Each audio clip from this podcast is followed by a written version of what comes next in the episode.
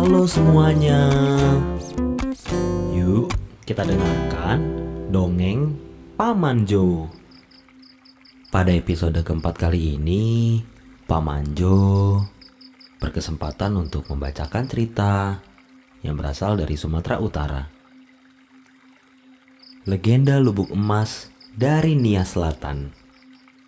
Ayo, teman-teman di sini yang dari daerah Nias mana suaranya?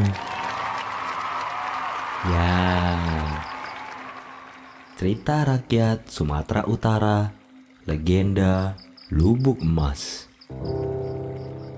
Tersebutlah seorang raja yang bertakhta di daerah Teluk Dalam. Raja Simangolong namanya.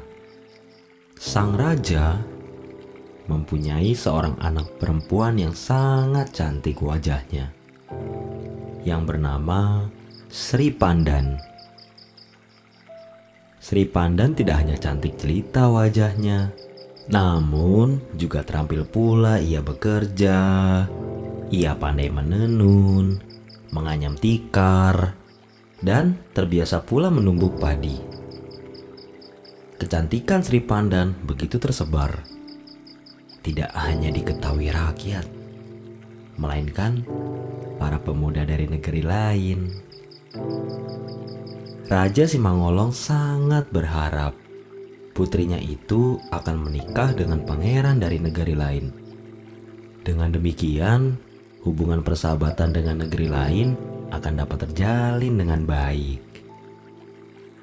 Raja Simangolong amat gembira ketika akhirnya datang lamaran dari kerajaan Aceh. Raja Aceh meminang Sri Pandan untuk dinikahkan dengan Pangeran Aceh yang telah dinobatkan sebagai putra mahkota. Namun demikian Raja Simangolong tidak serta-merta menerima lamaran itu sebelum meminta pendapat putrinya terlebih dahulu. Oleh karena itu, ia meminta waktu kepada utusan Raja Aceh. Setelah putriku menyatakan persetujuannya, katanya, aku akan sesegera mungkin mengirimkan utusan kepada Raja Aceh untuk mengabarkannya. Sepulang utusan Raja Aceh, Raja Simangolong pun bertanya kepada putrinya Sri Pandan. Anakku, utusan Raja Aceh telah melamarmu. Engkau hendak dinikahkan dengan putra mahkota Raja Aceh. Sungguh, ayahmu ini sangat berbahagia menerima lamaran itu. Karena ayah sangat berharap engkau dapat disunting putra raja. Dan kelak engkau akan dapat kemuliaan sebagai permaisuri. Bagaimana pendapatmu dengan lamaran Raja Aceh itu? Wahai anakku. Sri Pandan tidak buru-buru menjawab. Ia bahkan menundukkan wajah. Air matanya pun luruh. Sikap Sri Pandan sangat membuat keheranan Raja Simangolong. Mengapa engkau menangis anakku? Apakah kau menangis bahagia atau ada hal lain? Sri Pandan tidak juga lekas menjawab pertanyaan ayahandanya. Air matanya bahkan kian deras menetes. Jawablah, kata Raja Simangolong sangat ingin mendengar kesanggupan putrinya menerima lamaran itu sesuai harapannya. Ampun ayahanda, kata Sri Pandan. Akhirnya suaranya terdengar lirih dan wajahnya tetap tertunduk. Bukan hamba tidak ingin berbakti kepada ayahanda dengan menerima lamaran tersebut. Melainkan... Melainkan apa? Dengan suara terbata-bata, Sri Pandan lantas menjelaskan. Ia sesungguhnya telah menjalin hubungan dengan seorang pemuda. Ia bahkan telah saling mengikat janji dengan kekasih hatinya itu.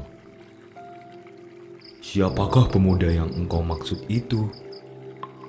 Tanya Raja Simangolong yang sangat terkejut mendengar penjelasan anaknya. Obatan ayahanda. Apa? Kedua bola mata Raja Simangolong membesar ketika mendapat jawaban putrinya. Maksudmu obatan pembantu setia kita itu? Benar ayahanda. Engkau memilih tetap setia dengan hobatan dan menolak lamaran putra mahkota kerajaan Aceh? Sri Pandan menganggukkan kepala. Tak terpikirkan kemarahan Raja Simangolong mendapati keteguhan sikap putrinya yang tetap memilih menjadi istri pembantu setianya dibandingkan disunting putra mahkota kerajaan Aceh. Dengan kemarahan yang terus meninggi, berujarlah Raja Simangolong. Terimalah lamaran putra mahkota kerajaan Aceh. Putuskan hubunganmu dengan hobatan. Jika engkau tidak juga memutuskan hubunganmu, niscaya hobatan akan aku usir. Sri Pandan tidak berdaya menghadapi perintah ayahnya. Ia lantas menemui Hobatan dan mengajaknya untuk pergi dari istana kerajaan. Betapa kecewanya Sri Pandan ketika mendengar Hobatan menolak ajakannya. Tidak hanya menolak Hobatan, bahkan menyarankan agar Sri Pandan menerima saja lamaran putra mahkota kerajaan Aceh. Kata Hobatan, itu lebih baik bagimu. Kelak, engkau akan menjadi permasyuri setelah putra mahkota yang melamarmu itu bertahta selaku raja. Sri Pandan yang sangat kecewa lantas berujar, Baiklah, jika itu yang menjadi kehendakmu, aku akan terjun ke lubuk dibandingkan harus menikah dengan orang yang tidak aku cintai. Ketahuilah, wahai kekasihku, aku akan tetap setia dengan cintaku padamu. Hobatan tetap pada pendiriannya. Ia menyarankan pada kekasihnya itu mengurungkan rencana anehnya itu dan lebih baik menerima pinangan putra mahkota kerajaan Aceh. Bertambah-tambah kekecewaan Sri Pandan. Hari itu juga ia berkemas-kemas. Dibawanya beberapa lembar pakaiannya. Semua perhiasan yang terbuat dari emas turut dibawanya serta. Dengan langkah mantap, ia meninggalkan istana kerajaan dan menuju lubuk sungai Asahan. Setibanya di tempat yang dimaksudnya, Sri Pandan melemparkan semua barang bawaannya ke dalam lubuk yang dalam itu. Pakaian dan perhiasan emas yang banyak jumlahnya itu pun berjatuhan dan masuk ke dalam lubuk. Tak berapa lama Sri Pandan pun berujar, Tidak akan ada lagi perempuan cantik di kerajaan ini. Selesai berujar, Sri Pandan lantas menerjunkan dirinya ke dalam lubuk membawa cinta dan kesetiaannya. Kegemparan besar melanda istana kerajaan ketika Raja Simangolong dan Permaisuri tidak menemukan Sri Pandan. Raja Simangolong lantas memanggil Hobatan. Di hadapan Raja Simangolong, Hobatan menceritakan kejadian yang dialaminya berkenaan dengan Sri Pandan. Ia telah menyarankan agar Sri Pandan menerima pinangan putra mahkota kerajaan Aceh. Namun, Sri Pandan malah mengancam akan terjun ke lubuk dibandingkan harus menikah dengan lelaki yang tidak dicintainya. Raja Simangolong amat menyesali tindakannya. Raja Simangolong dengan diiringi para prajurit segera menuju lubuk di sungai Asahan itu. Para prajurit bergegas menerjuni lubuk untuk mencari Sri Pandan. Namun, setelah berulang-ulang menyelam dan mencari, Sri Pandan tidak juga mereka ketemukan.